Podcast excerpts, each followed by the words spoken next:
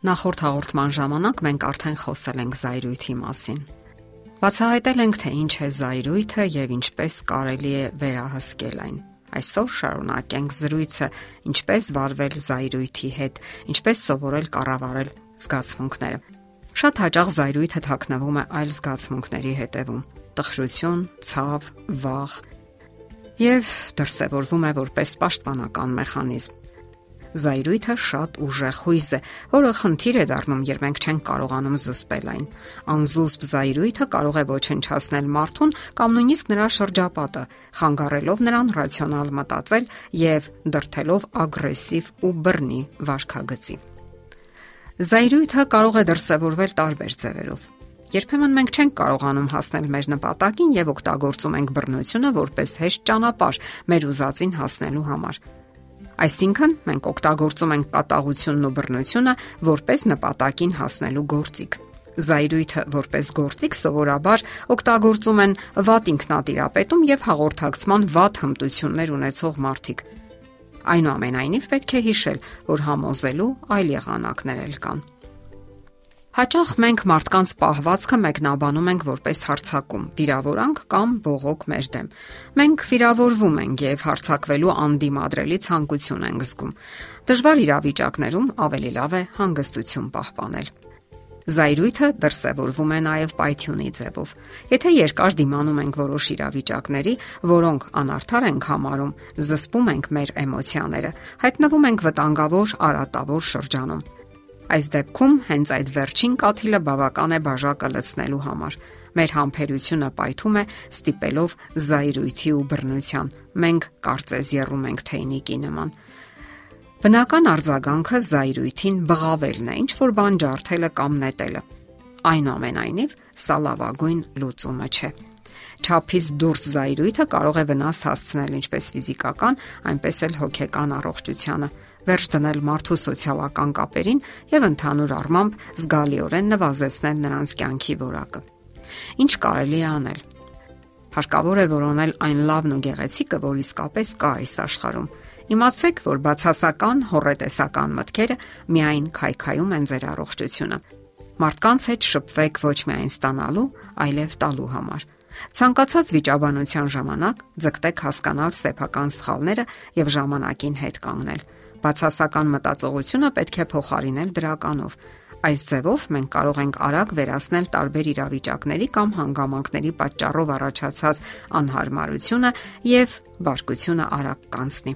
Դուք պետք է սովորեք չմտածել, որ ուրիշներն ինչ որ բան են անում հատուկ ձեզ վիրավորելու համար։ Փորձեք անպայման լինել օբյեկտիվ եւ լավատեսորեն նայել իրերին։ Կյանքը հայելի է, որն արտացոլում է մեր մտքերը Եթե կյանքին ժպիտով նայենք, նա նույն ձևով կպատասխանի։ Լարվածության, անհանգստության ու զայրույթի պահերին կարևոր է ճիշտ շնչառությունը։ Ճիշտ շնչառությունը կօգնի թույլատնելու լարվածությունը եւ մաքրելու միտքը։ Փակեք ձեր աչքերը, դանդաղ հաշվեք մինչև 10 եւ մի բացեք, մինչև չզգաք, որ սկսում եք հանգստանալ։ Շնչեք խորը եւ դանդաղ։ Փորձեք մաքրել ձեր մտքերը, ազատել այն բացասական մտքերից։ Փորձեք գիշերը բավականաչափ քնել, առնվազն 7-ից 8 ժամ, քանի որ հանգիստ նոքունը նպաստում են զգացմունքների ավելի լավ վերահսկմանը, բարձրացնում են մեր տրամադրությունը եւ նվազեցնում դյուրագրգռությունը։ Ինչպես վարվել զայրույթի հետ, եթե այն արդեն առաջացել է։ Արտահայտեք ձեր դժգոհությունը, հանգիստ ու խաղաղ Ավելի համոզիչ է ոչ թե նա, ով ավելի բարձր է գոռում, այլ նա, ով կարողանում է իր զգացմունքները adekvat, հանգիստ եւ ողջամիտ արտահայտել, ուրվագծելով խնդիրներն ու հնարավոր լուծումները։ Շատ կարևոր է կարողանալ լսել դիմացինի կարծիքը եւ նույնիսկ փողզիչում գտնել հնարավորության դեպքում։ Հիշեք, որ երբ դուք վիրավորում եք ուրիշներին, առաջին հերթին ինքներդ ձեզ եք վիրավորում, եւ դա հենց այն է, ինչից պետք է խուսափել։ Մարզվելը կօգնի դուրս թափելու բացասական էներգիան եւ ձերբազատվելու վատ մտքերից։ Երբ մենք շարժվում ենք կամ ինչ-որ ֆիզիկական ակտիվությամբ ենք զբաղված, մենք էնդորֆիններ ենք արտազատում, որոնք օգնում են մեզ հանգստանալ։ Սա զայրույթը կառավարելու եւս մեկ գործոն միջոց է։ Փորձեք շարժվել, կատարել որևէ վարժություն, բարձրացեք ու իջեք աստիճաններով, մաքրեք ձեր տունը, դուրս եկեք վազելու, հեծանիվ վերցրեք եւ զբոսնեք քաղաքով։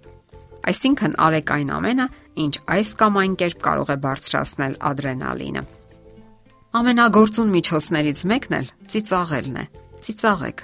Կա ավելի լավ միջոց սթրեսից ազատվելու եւ ուրախացնելու համար, քան ծիծաղը։ Ճիշտ է, երբ մենք զայրացած ենք, վերջին բանը, որ ուզում ենք անել, ծիծաղելն է։